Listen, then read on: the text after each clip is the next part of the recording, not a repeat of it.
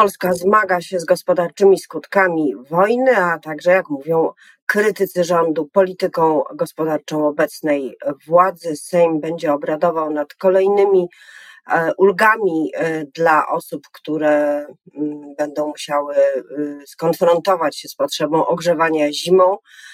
Dodatkowe specjalne posiedzenie Sejmu w tej sprawie. No a politycy przy okazji przygotowują się do następnego politycznego sezonu i Między innymi o tym będę już za chwilę rozmawiała z moim gościem, Zuzanna Dąbrowska. Dzień dobry. A moim gościem jest poseł Nowej Lewicy Maciej Gdula. Dzień dobry. Dzień dobry, witam serdecznie. Zacznijmy od tego, za czym, jak sądzę, posłowie będą głosowali, y, jeśli chodzi o rekompensaty w związku z ogrzewaniem. To specjalne y, posiedzenie Sejmu, perspektywa rozszerzenia E, takiego zasiłku grzewczego, można powiedzieć, na e, inne rodzaje opału. Czy panu się ten pomysł podoba? Podoba mi się e, dlatego, że naprawia te poprzednie rozwiązania. Ja głosowałem przeciwko e, tej ustawie o pomocy e, dla opalęglem, przede wszystkim dlatego, że to jest niesprawiedliwe rozwiązanie. Rachunki rosną wszystkim, rosną tym, którzy opalają gazem, tym, którzy z ciepła systemowego korzystają, a pomoc idzie tylko do właścicieli pieców węglowych. No coś by było z tym poważnie nie tak. No i teraz to jest naprawiane rzeczywiście. E, myślę, że też dobrze, że Sejm zebrał się wcześniej, bo gdyby się zebrał za te na przykład dwa tygodnie, no to mogłoby się okazać, że przed sezonem grzewy nie dostaną dodatków, e, albo będą mieli to poczucie, że państwo pomaga tylko wybranym, a nie wszystkim. A co z osobami, które e, ogrzewają swoje mieszkania lub dom prądem? Tam jest e, przewidziana kontrola, znaczy jest, jest ustawowa kontrola taryf, więc e, na prąd, więc to jest też, też trochę trochę e, e, na, na, tym polega pomoc. Tak samo ma być e, z ceną gazu, że ona ma być, ma być zamrożona także w przyszłym roku. No tutaj rzeczywiście może być tak, że to nie zawsze są bezpośrednie, które pomagają gospodarstwom domowym, ale też no, oczywiście będziemy się temu jeszcze, jeszcze dzisiaj będą prace w ogóle w komisjach nad tymi projektami, no bo to jest cały dzień posiedzenia. Też będziemy się przyglądać tym, tym wszystkim E, rozwiązaniom i starali się, będziemy się zgłaszali, będziemy zgłaszali poprawki, jeżeli coś jest nie tak. E, cała opozycja, oczywiście, jak jeden mąż i żona deklarują, że e, jasne, chodzi nam o władzę, jesteśmy gotowi do przejęcia władzy. Najlepiej, żeby wybory były jak najszybciej, ale odnoszę wrażenie, że gdyby wybory odbywały się teraz przy tej sytuacji gospodarczej i przy tej perspektywie inflacyjnej i przy tych problemem, problemach z ogrzewaniem, to nie byłoby to szczęście dla opozycji, tylko wręcz przeciwnie. E, czy to dobrze, że PiS będzie musiał e, ogarnąć sytuację, którą w dużej mierze stworzył, do której się przyczynił? No, jest tak, że e, gdyby rządziła przez ostatnie 7 lat lewica, lewica w jakiejś koalicji, e, to mielibyśmy e, zupełnie inne rozmiary problemów. No, my byśmy nie zahamowali wiatraków, wręcz przeciwlibyśmy to. Nie zahamowalibyśmy rozwoju OZE, tylko byśmy to wspierali, wspieralibyśmy biogazownie. Bylibyśmy o wiele bardziej niezależni energetycznie, o wiele bardziej przygotowani tak naprawdę na to, co się wydarzyło, bo rozwiązania ekologiczne to nie jest jakiś luksus, to nie jest bździu, to, jest, to są nowoczesne rozwiązania, także służą bezpieczeństwu kraju. PiS to za nie, teraz e, musi wypić, e, które. E, ja przyznam, że, mm, że tak ze smutkiem na to patrzę. Wolałbym, że lepiej przygotowana.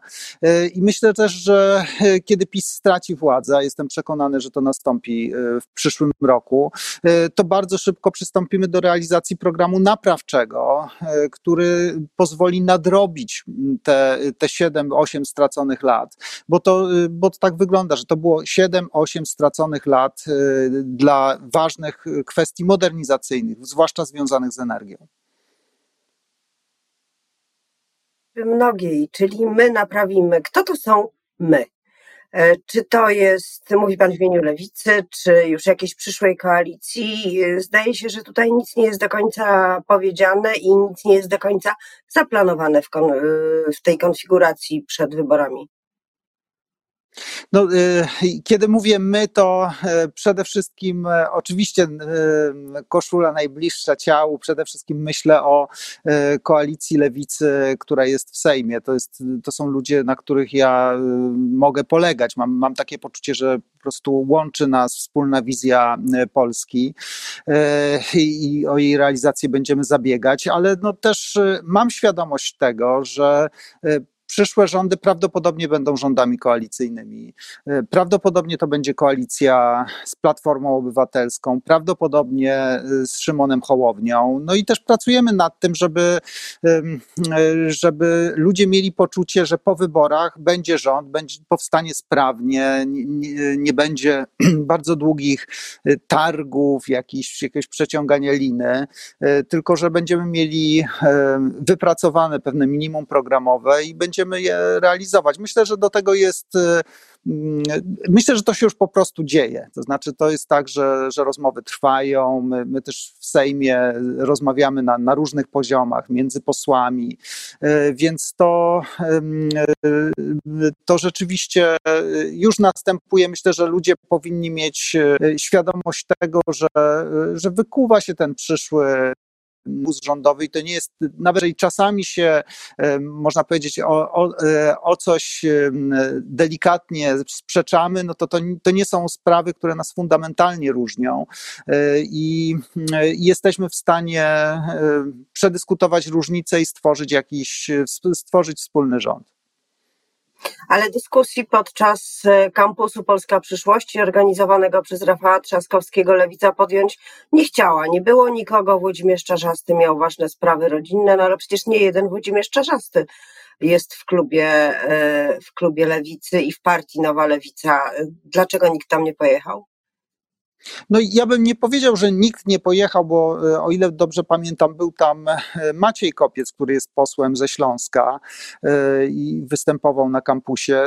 Było tak, że Włodzimierz Czarzasty już z wyprzedzeniem się umówił, więc na przykład Robert Biedroń nie zapisywał się, tak, czy, nie, nie występował w roli lidera lewicy na kampusie, miał inne, miał inne sprawy, inne zajęcia. A wyszło wyszło tak e, no, przyczyn losowych Włodzimierz Czarzasty nie mógł e, tam przyjechać, zresztą poinformował e, Trzaskowskiego o tym, on, e, on o tym mówił. Myślę, że nie do końca dobre jest mówienie na przykład, że, że, że Lewica się bała dyskusji. Lewica się nie boi dyskusji i chętnie w nich uczestniczy i, i jednocześnie no, one się toczą na innych forach niż, niż kampus. No i też chyba nie jest tak, że Platforma stawała na głowie, żeby zaprosić jak najwięcej osób z lewicy. My to, ustaliliśmy, to, to by... że Włodzimierz Czarzasty został zaproszony, a kto jeszcze? E, e, nie rozmawiałem ze wszystkimi e, posłami, bo dzisiaj dopiero zjechali do Warszawy, więc, więc trudno mi powiedzieć, ile takich zaproszeń było, ale też Lewica organizowała w tym samym czasie, ale też w tym samym czasie to się odbywa od, od dwóch lat. Taką letnią szkołę dla młodzieżówek, mieliśmy konwencję, więc część osób była, była na tym zlocie młodzieżówek, część osób była zaangażowana w produkcję konwencji o edukacji na 1 września, więc y, być może ktoś dostawał y, jeszcze zaproszenia, ale nie mógł przyjechać. Y, ale myślę, że to jest, to, to nie jest tak, że kampus jest ostatnią dyskusją przed e, budową rządu e, po wyborach przyszłorocznych. Te dyskusje się będą toczyć, toczą się naprawdę na różnych forach. Ja sam uczestniczę bardzo często w dyskusjach dotyczących polityki międzynarodowej, gdzie występują właśnie różni politycy opozycji odpowiedzialni za politykę międzynarodową. Te, te dysku- jesteśmy w ciągłym kontakcie, rozmawiamy też na komisjach sejmowych, więc, więc tak naprawdę takie zbliżenie stanowisk, stanowisk, budowanie wspólnej perspektywy następuje.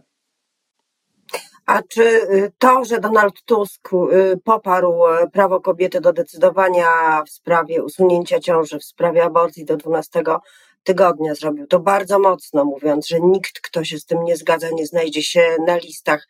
Mm, czy poparcie takich wyraźnie zarysowanych postulatów światopoglądowych nie usuwa lewicy w cień, czy nie tego lewica się obawiała, jeśli chodzi o kampus, nawet nie samej dyskusji, tylko tego, że będzie tłem dla dość e, daleko idących postulatów światopoglądowych? To ja przyznam, że się cieszę z tego, że Donald Tusk zadeklarował poparcie dla wszczalności przerywania ciąży do, y, do 12 tygodnia. To jest y, duża, e, duża zmiana wobec tego, jak Platforma funkcjonowała wiele lat. Ja mam wrażenie, że lewica jest bezpieczna, bo to wyłącznie lewica w historii po 1989 roku. E, wyłącznie lewica doprowadziła do liberalizacji e, prawa aborcyjnego.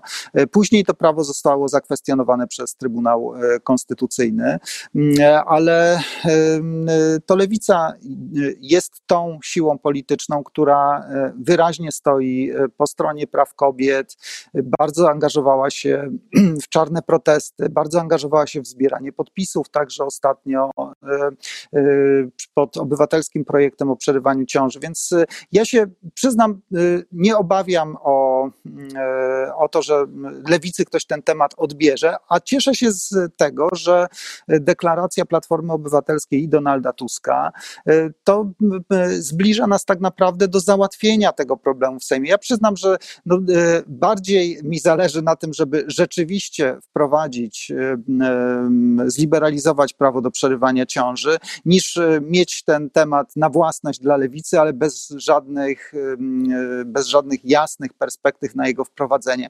Myślę, że te y, y, dzisiaj perspektywy na, y, na liberalizację są większe dzięki tej deklaracji. Ja się z tego bardzo cieszę.